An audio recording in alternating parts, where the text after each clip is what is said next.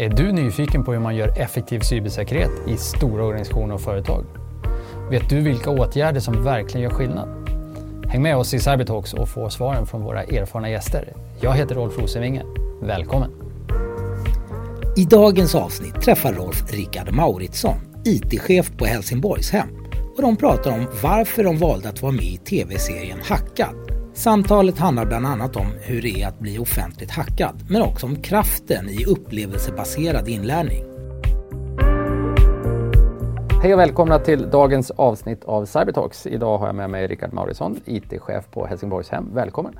Tack, tack för att jag fick komma. Ehm, det här är ju kan man säga en liten follow-up episod till eh, förra Cybertalks där vi hade Linus Kvarnhammar som var en av eh, de etiska hackarna i tv-serien Hackad och eh, du är ju faktiskt också känd från tv kan man nu säga.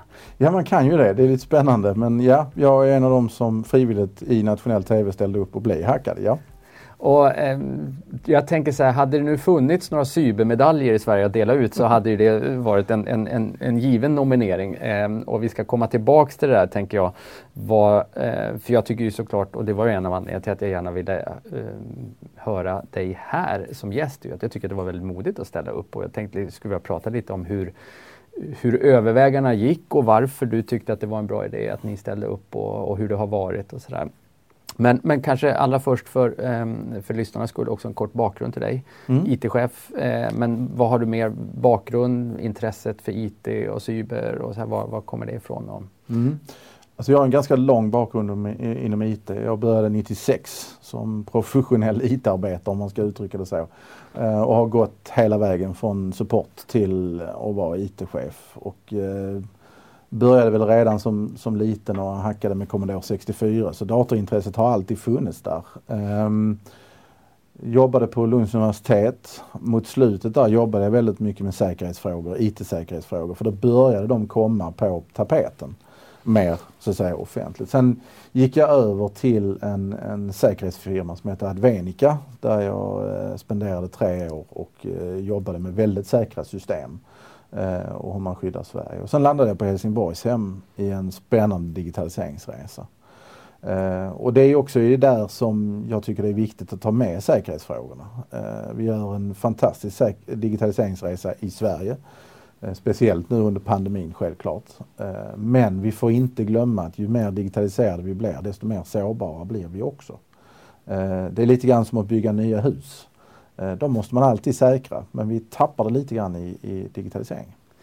Ja men sant och eh, sen tycker jag det är spännande. Det är ju det är inte alldeles vanligt med eh, någon som kommer från säkerhetshållet som blir IT-chef eller CIO. Vi ser ju relativt ofta kanske det omvända, att man har varit CIO någonstans och, för en division eller ett affärsområde mm. och sen mm. blir man CISO på ett stort företag eller en stor organisation. Men hur har det varit Ehm, eller vilka fördelar har du haft av att liksom ha säkerheten med dig per default så att säga in i, in i IT-chefsrollen? Jag tror det har handlat om att jag har kunnat ha det högre upp på agendan. Det har legat mer naturligt. Jag har inte sett det som något skrämmande, dyrt och verksamhetshindrande. Utan någonting som jag lärde mig under mina tre år eh, på Advenica, det var just det att, att verksamheten måste ju fortfarande fungera. Eh, det är klart att vi kan bygga jättesäkra system som ingen kan använda.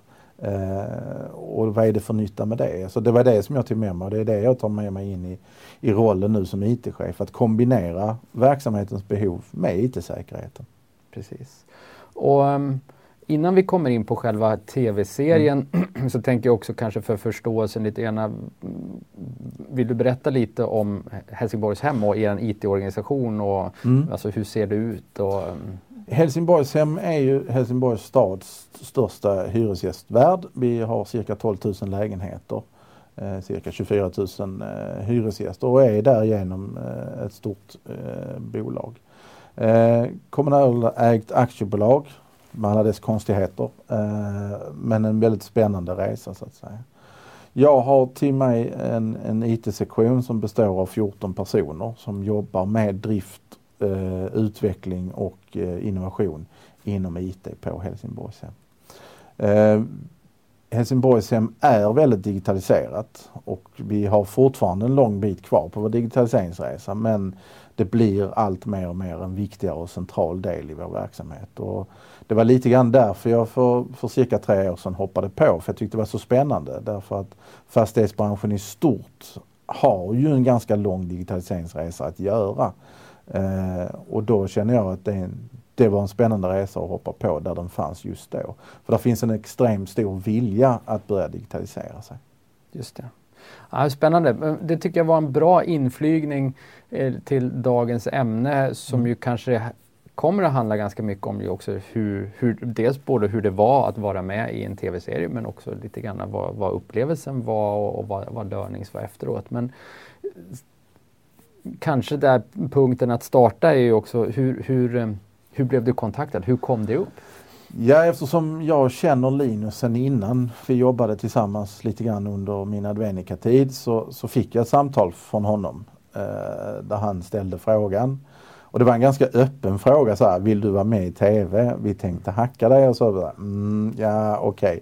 Men eftersom jag kände Linus och hade ganska stort förtroende för honom så tänkte jag att ja, men okej, vi vill i alla fall vara med på första mötet med SVT och säga okej, vad ska ni göra av det här? Liksom. Så att jag tog med mig min kommunikationschef och sa du får hänga med på det här för att jag, alltså det kan ju inte jag besluta själv givetvis så att säga. Och vi lyssnade på den, den idén som, som SVT hade och jag, att, jag tyckte den var jag kan säga att jag, jag blev såld ganska snabbt på första mötet. För det var, handlade mycket om att lyfta upp ämnet. Att, att lyfta det och visa samhället att ja, men det här finns. Men att de hade enormt stora problem med att hitta folk som var beredda att göra det. Och faktiskt lite grann liksom lägga huvudet på stupstocken och se vad som händer. Liksom. Ehm, så efter det första mötet så tog vi hem det och, och, diskuterade och det var uppe i ledningsgruppen och vi diskuterade det där. Men hela tiden så pratade vi om att, att vi är ju ett samhällsnyttigt företag. Vi, vi försöker jobba med, med bra hyresrätter och så vidare. Varför ska vi inte även hjälpa samhället här? Och har vi egentligen någonting att skämmas för? Och det var ju som jag uttryckte det som, om de nu lyckas. Ja, man har lyckats hacka NSA i USA. De lägger massa miljarder kronor på sitt säkerhetsskydd och de hackar dem. Ja, om de hackar oss, ja då får vi ju i värsta fall får vi reda på vad vi måste bli bättre på. Och det tycker inte jag egentligen är värsta fall utan det är ju bara bra. Mm. Um, och vi had, hade ju en chans att helt gratis få vår, våra system belysta. Och enda nackdelen det var att det blev i nationell TV.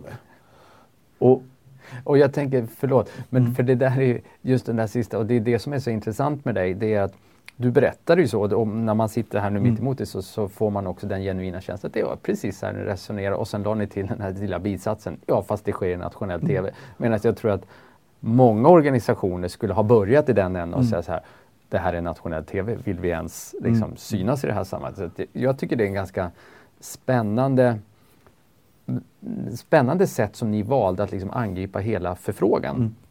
Och jag tänker att um, jag tror inte att det är helt vanligt. Ehm, det är mitt påstående. Om, jag tänker utifrån mina egna erfarenheter av hur, också när vi ibland hjälper till med incident response i ransomware mm. Ehm, och jobbar med företagsledningar och så vidare. Och man, man känner hur vanligt det är att det här vill vi inte ska komma ut, det här vill vi inte visa upp. Och det, liksom att, hur, hur många per default väljer att hålla korten nära till mm. hamnen, eller nära kroppen. Vilket ju också leder till att tänker jag att vi fortfarande också tror att ett, det är mer ovanligt än vad det faktiskt mm. är och två, vi är ju också brottsoffer egentligen mm. när det väl har mm. inträffat. Så att vi måste på något sätt sluta skämmas och istället vara lite mer öppna och, och lära av varandra mm. istället. Och det var egentligen det ni ni hade bara den inställningen från början egentligen att här, här finns en chans för oss att lära och ni kan bidra. Alltså jag, jag, det finns en modig CISO också och det är Masks tycker jag. Han, de drabbades ju av ransomware som vi alla vet. Och jag tyckte han behandlade det alldeles utmärkt. Det har alltid blivit min ledstjärna. Varför inte skapa en öppenhet i den här frågan? Det händer ju. Jag kan tycka det, för, för på ett par år sedan så sände ju SVT ytterligare en dokumentär kring just ransomware. Och jag kan ju bli förbluffad hur mycket som hade hänt. Alltså det var canceravdelningar som stod still och det var myndigheter som hade betalt utan att blinka. Och ingenting hör vi. Och, och, det är här vi måste vända på det. För om vi inte pratar om det så kan vi aldrig lösa det. Jag blev jätteledsen i somras när eh, medias rapportering om attacken mot Coop handlade mer om att butikerna var stängda än den faktiska attacken. Ja, det var jättesynd att, att Coop fick stänga sina butiker, så det är inte så. Men där fanns inget fokus på själva attacken och hur sårbara vi är. Utan det var just det, butiken är stängd. Ja, men det är ju en, ett resultat av hur sårbara vi är. Alltså en, en, en, en, en attack kan alltså på ett eller annat sätt slå ut Coops alla butiker i Sverige. Mm. Men den diskussionen hade vi aldrig. Och den tycker jag är synd. Och det var också det bekräftade faktiskt vårt beslut att det här är viktigt att vi är med i den här serien. Därför att vi måste lyfta upp det så att vi börjar diskutera sårbarheterna i samhället. Sant. Så ert interna beslut ledde till att ni valde att delta. Yep. Det blev ett avsnitt i, i tv-serien mm. Hackad. Mm. Kan man hacka en stad tror jag mm. det hette. Um, och um, kan du, så hur gick det till? Kan vi få lite alltså behind hade, the scenes här? Ja precis, alltså vi hade ju lite möten med SVT där de liksom, när vi väl sa ja så var det ju ett antal liksom, produktionsmöten. Hur ska det här gå till? Och jag är ju väldigt bestämd i min uppfattning hur etisk hackning ska, ska gå till. För jag tycker ju till exempel det här med att man hjälper de etiska hackarna med, med inlogg och hela den biten. Det är för mig fel. För då, då, då direkt har vi fokus på att det är en anställd som genomför det här. Och det kan vi nog ganska snabbt säga att om en anställd blir sur på ett företag så kan den ställa till massor av, av skit. Det behöver vi inte testa, det vet vi. Eh, och vi vet också att det är nästintill omöjligt att skydda sig för då i så fall kan ingen anställd jobba så det blir lite svårt. Utan min inställning är ju att du alltid, ska du genomföra ett sånt här ett etiskt försök så ska du göra det som en, en attack, attackare gör. Han vet ju sällan eller väldigt lite om ditt företag. Det är det som är offentliga uppgifter. Den kanske har ett namn, den kanske har liksom någonting sånt. Men det är det den har att börja med. Och det var så vi kom överens om. Det är vad ni får av oss. Liksom. Och ni får ingen hjälp. Åker ni fast så åker ni fast. Um, och och det var jag väldigt tydlig med från början. För det var det jag ville förmedla. För det var det jag tyckte liksom, ja men det är ju så det går till i det verkliga livet så att säga. Sen hur de skulle attackera och på vilket sätt, det, det var vi aldrig inblandade i. Och det var aldrig någonting vi, vi, eh, vi deltog utan det hade man fria händer på. Och var det, var det känt för din organisation att ni Nej. var med? Det var, det var egentligen ledningsgruppen och, och du som kände till ja, det? Alltså, faktum var att ledningsgruppen blev avkopplade samma dag som vi sa ja. Så de hade ingen aning om när det skedde. Uh, och det var bara jag som visste att det skulle ske. Uh, kommunikationschefen fick heller ingen information. Så att det var princip, för eftersom jag inte visste var de skulle angripa någonstans så, så var det jag som visste. Men och, inte ens som jag visste när kan jag då säga. Och um, för de som möjligen då inte har hunnit mm. se avsnittet än så tycker jag att det gör det. Men, men för de som inte har gjort mm. det så, så, berätta, spela mm. igenom lite grann också vad som, vad som hände och det hur man ni upplevde det. Alltså det man försökte göra det var en social engineering attack. Man hade någonstans konstaterat att vi måste, man måste placera en enhet inne på insidan eh, av Helsingborgshem. Eh, och då tog man sig till ett av våra kontor eh, som finns, eh, vår störst, största kontor, vi har cirka sju runt om i Helsingborg. Och där försökte man dels med ett mail i mitt namn fast man hade ändrat Helsingborgshemsändelsen. eh. Eh, och dels genom att fysiskt eh, ta kontakt med en av våra receptionister försöka ta sig upp in i ett konferensrum. Eh, vår receptionist var oerhört vaksam eh, och jag är jättestolt över detta. För jag kan säga att i intervjun innan så sa jag att ja, jag tror de kommer lyckas för att vi vill vara så service-minded. Men hon, någonstans fattade hon en misstanke så att hon ringer mig. Och då säger hon, ja jag vet att du har skickat ett mail men är det verkligen så att han ska själv få gå upp i ett konferensrum?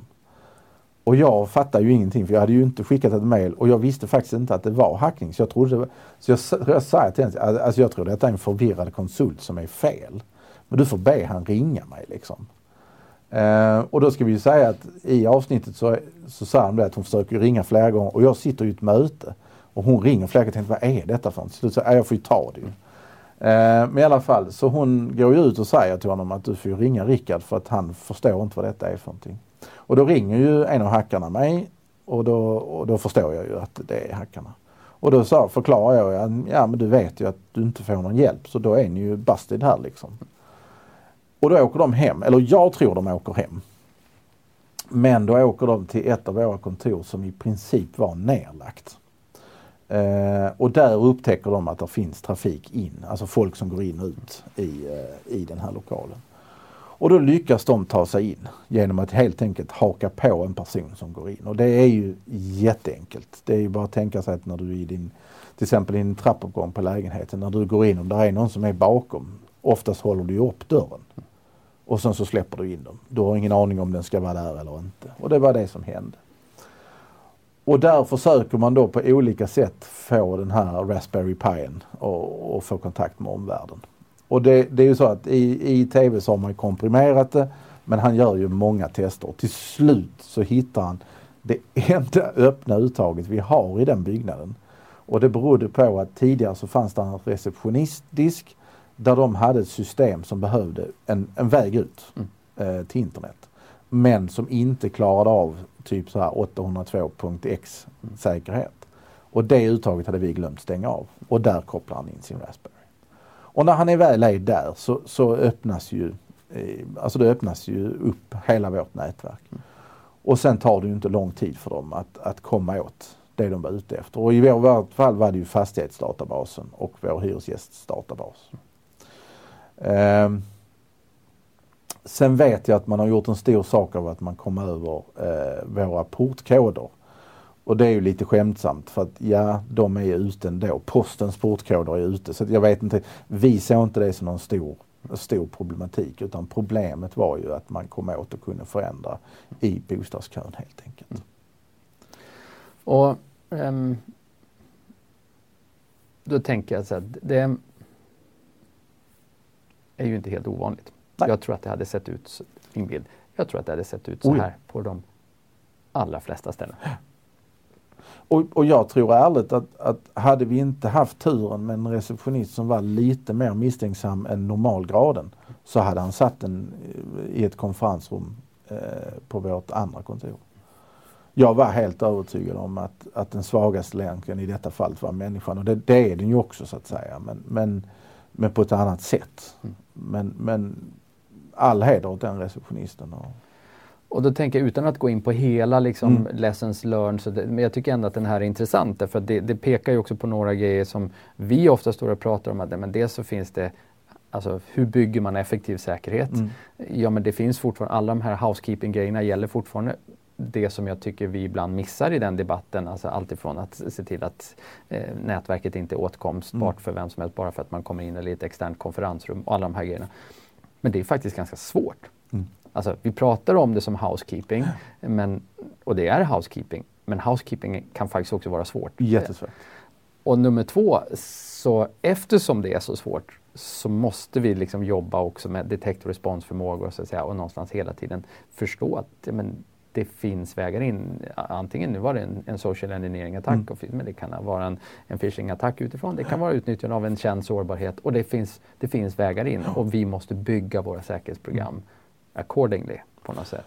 Ja men eh, alltså någon, alltså vi kommer ju in på lesson learn sen men, men just alltså det här, det som är jättespännande är ju att avsnittet internt har skapat en, en väldigt sund debatt och en diskussion just det här kring att det är många som har kommit på att, ja men varför frågar jag inte? Om, om det kommer en människa jag inte känner igen, varför ställer jag inte en fråga?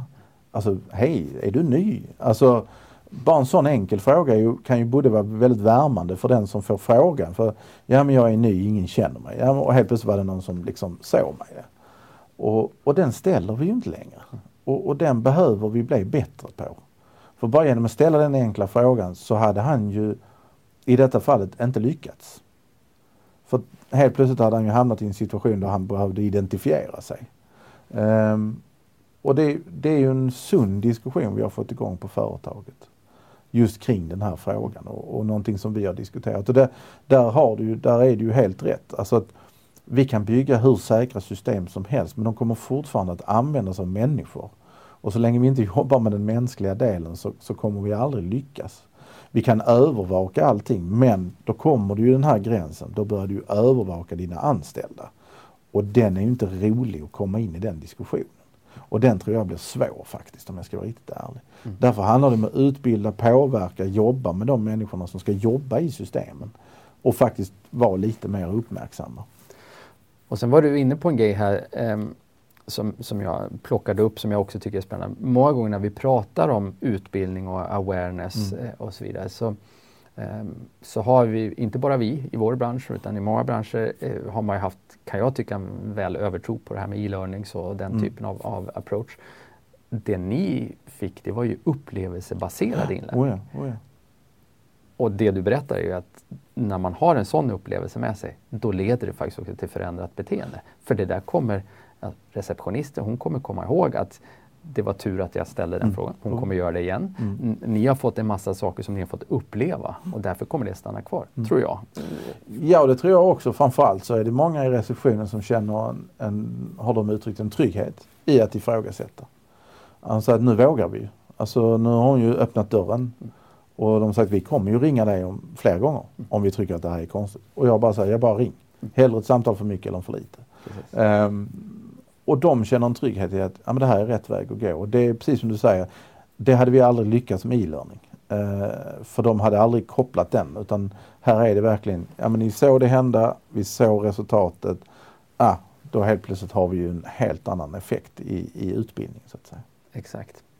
Men du, eh, så där har vi egentligen mm, så att säga, några outcomes och effekter mm. Av, mm. av det ni, det ni bestämde för att vara med om, eh, eller att vara med på. Ska vi också försöka komma in på övriga lessons learned? Vad, vad blev Nu har det gått ett tag efter ni har hunnit jag tänkte jag, ska bara, för jag vill bara ta en anekdot till från ja. själva inspelningen. Eh, och, och, där kan jag säga att, och där vill jag liksom verkligen lyfta på hatten från SVT därför att vi hade en diskussion efter de hade spelat in själva eh, programmet där jag kände att liksom oj, vart är ni på väg med det här programmet? För man ville göra vissa saker som jag tyckte att det här gick fel. Och att det blev mer fokus på hur häftigt det var att vara hackare och så vidare. Och efter lite diskussioner med SVT så gör de en vändning och jag tycker det blir jättebra. Och det är därför jag vill bara nämna det. Att jag tyckte liksom, och det är också en sån sak till företag eller verksamheter som är kanske lite oroliga att hamna i SVT. I alla fall i det här fallet så hade, var de oerhört lyhörda till våra åsikter och var vi stod någonstans. Och jag tyckte att slutresultatet, vilket vi fick se långt innan det sändes, vilket jag tyckte var jättebra. Vi kunde lämna kommentarer och vi gjorde vissa småändringar i slutklippningen. Så att jag kände mig trygg hela vägen igenom. Och det, tycker jag är viktigt att förmedla. Att det går. Det är inte Uppdrag granskning bara för att SVT knackar på dörren. För ibland får jag en känsla av att man tror det. Ja men det tror jag. Och, så, och, bra poäng och det kan ju vara så att det blir en säsong två. Man vet ju inte. Jag försökte fiska hos Linus. Eh, han ville inte riktigt avslöja något. Men, men vi får väl se. Men mm. alldeles oavsett om det blir det eller inte så eh, men bra poäng för det tror jag också är en sån fråga som kanske många sitter med. Mm. När vi nu vågar visa upp oss mm. liksom, i vilken utsträckning kan vi också vara med och påverka slutresultatet Precis. och blir det här någonting som landar rätt både mm. för, liksom, för tittarna men faktiskt också för oss som mm. organisation som, som bjuder på att vara med. Det, ja, jag håller med och överlag så tycker jag faktiskt att hela serien håller en bra ton och därför så funkar det ju. Eh, liksom, och det, det, det är jag jätteviktigt. Också. Jag har lite synpunkter på avsnitt ett för jag tycker där sätter man personerna i en situation som för mig blir svår att komma ur. Eh, men det är bara för att jag har en annan syn på hur hacking ska gå till. Jag tycker inte att det är okej okay att man kallar in en massa människor som säger här ska du använda ett USB-minne. För nu minns jag inte om det var en casting eller om det var en arbetsintervju men, men personer som vill någonting, ja de är, tenderar att ta större risker. Och det vet vi. Uh, och jag tycker det är, en, det, är en, det är ett bra sätt att visa hur lätt det är att hacka en dator. Men sen samtidigt tycker jag också det är en, det är, det är inte riktigt rättvisande. Eh, men visst, det kan säkert se. Men, men i övrigt tycker jag alltså serien är fantastiskt välgjord. Man har eh, de tankar vi hade innan är, finns där hela vägen igenom och det tycker jag är jättekul. Ja, bra.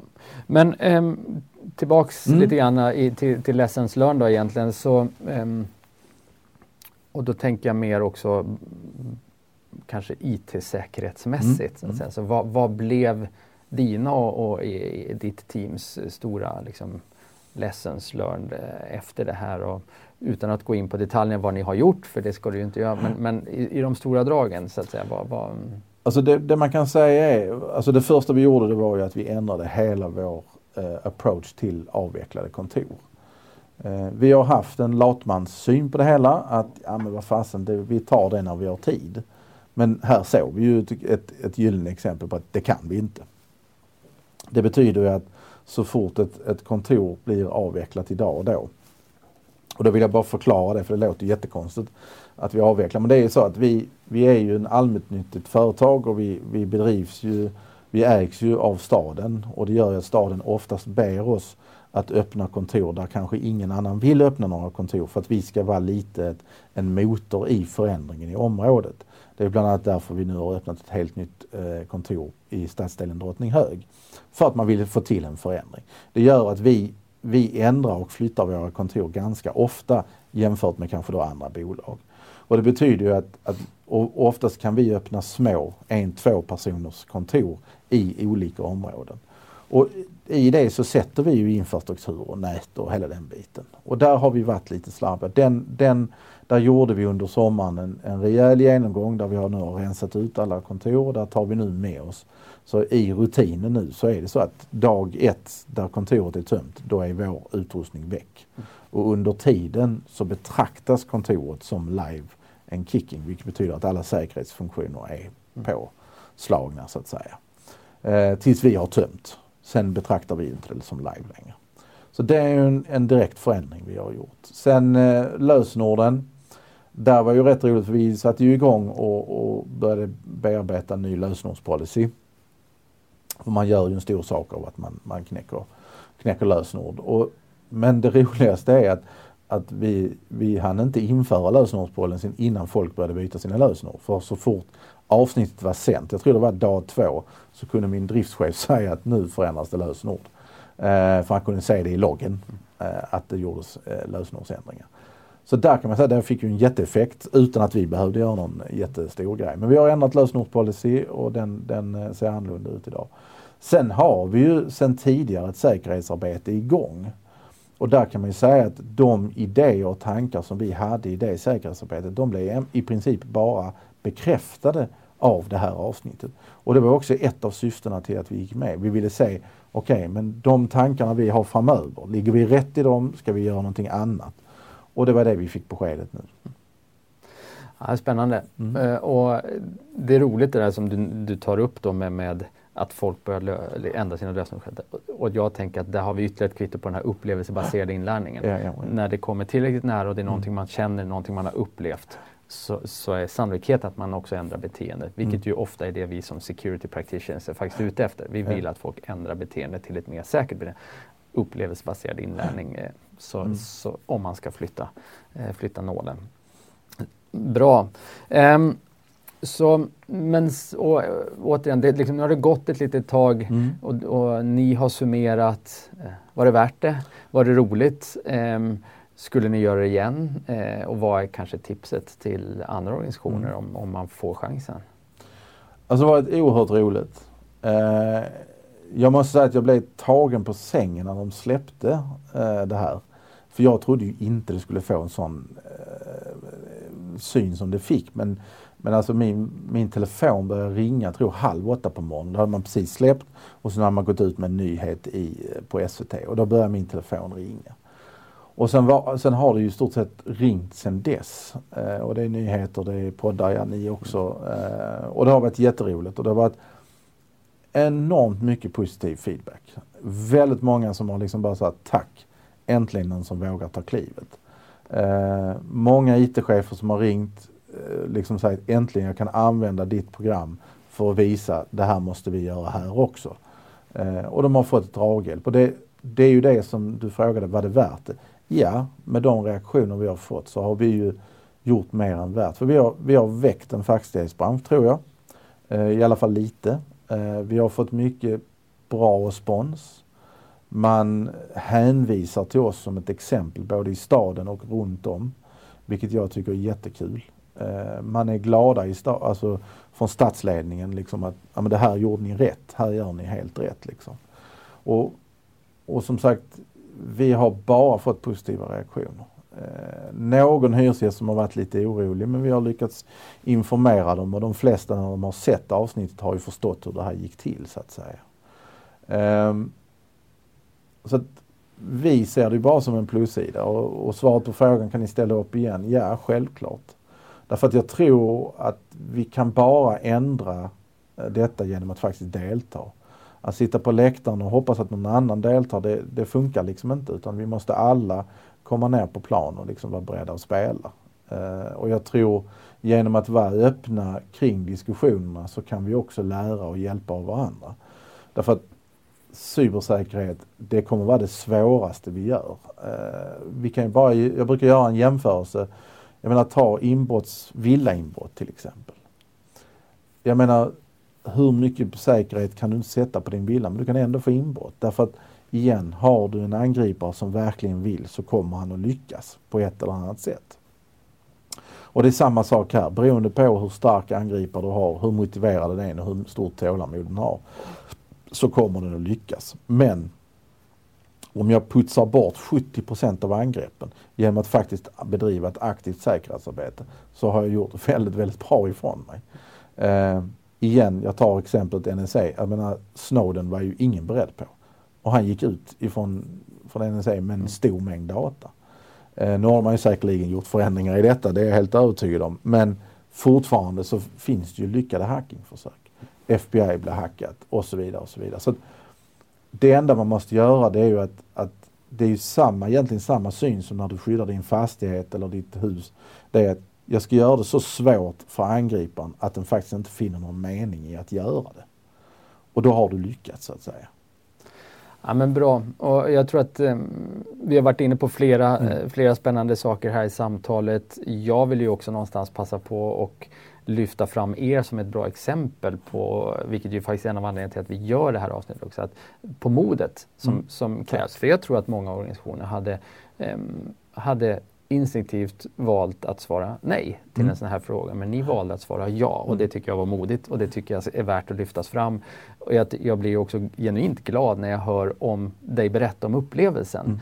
Och jag tror faktiskt att eh, vi är på en begynnande trendlinje. Ni är med och accelererar den eh, från från Helsingborgshem. Jag tror att vi är på väg mot ökad transparens och jag tror att vi är det för att vi måste. Det har tagit tid, lite tid att komma igång. Du pratade om Maersk innan, Norsk Hydro var ett annat mm. exempel som verkligen blev där CFO var ute och hade dagliga presskonferenser när mm. de var utsatta. Um, och det blev ju en ögonöppnare både bland kriskommunikationskonsulter, cybermänniskor men också företagsledare. Och när vi träffar bolag som antingen förbereder sig för ransomware eller som har, eh, är mitt uppe i det och därför ber oss komma så pratar vi väldigt mycket om det här att eh, vi måste vara, alltså det är både taktiskt här och nu mm. kan det finnas en fördel av att vara mer öppen. Alltså det här med att försöka köra, vi är utsatt för en IT-störning mm. när det är en ransomware-attack. Det enda man ju i förlängningen bevisar det är ju att man inte för sina kunder att man inte pratade sanning när det gällde som mest. Precis. Så jag tror att vi är på den där pendeln, att den är på väg att svänga mot mer transparens men det krävs några frontrunners för att använda ett amerikanskt uttryck mm. och det är precis det ni egentligen visade att ni vill vara. Det tycker jag är häftigt. Ja, det hoppas jag att vi är och jag håller helt med dig att, att vi måste börja prata om, om liksom eh, det som finns i rummet. Eh, därför att det kommer inte försvinna om vi är tysta. Liksom. Eh, och, och det jag är orolig för, eller det någon frågar mig, men vad är du rädd för i framtiden? Så säger jag, men vi ser ju en vaknande kriminell marknad som börjar se detta som en potentiellt, eh, potentiell möjlighet. Och, och när de verkligen vaknar, för det är ju så, ja de har, de har bedrivit ransomware ganska mycket men vi ser, det är liksom bara toppen på isberget vad de kan hitta på. Och det är här jag är orolig för att att risken är att så länge vi inte håller ett öppet sinne och öppet mod så kommer det här bli tufft. Och här gäller det att hjälpas åt. Se de nya attackvektorerna, se de nya sätten. Därför att de kriminella är enormt kreativa. Och, de, och de, har, de har pengar, de har möjlighet. Och de springer. Och då gäller det att vi springer med. Och det kan man inte göra själv. För de kriminella springer inte själv, de hjälps åt. Så där måste vi bli bättre. Jajamän. Tiden går fort mm. eh, och eh, jag, jag gillar det där med att du plockar upp att de mm, kriminella är kreativa så därför måste vi också vara det och det är ju faktiskt precis det ni har varit. Ni, ni var med och tog ett, ett ganska nytt grepp mm. i, i, Sverige. Jag tror att det har bidragit otroligt mycket. Jag tror att också att det har bidragit på ett ihållande sätt till mm. förändring och det tycker jag är häftigt och framförallt så tycker jag också att det är på sin plats att härifrån oss på Cybertalk, vi vill ju hylla modet som ni visade att kliva tack. fram. Så att eh, Rickard Mauritsson, eh, IT-chef på Helsingborg Hem, stort tack för att du ville vara med och återigen berätta om, om, om eh, din historia och ert angreppssätt här kring tv-serien Hackan. Stort tack för att du fick komma, det var jättetrevligt. Och till eh, alla lyssnare, until next time. Podden är ett samarbete mellan Orange Cyber Defense och Paliscope och spelas in och klipps på Om Media.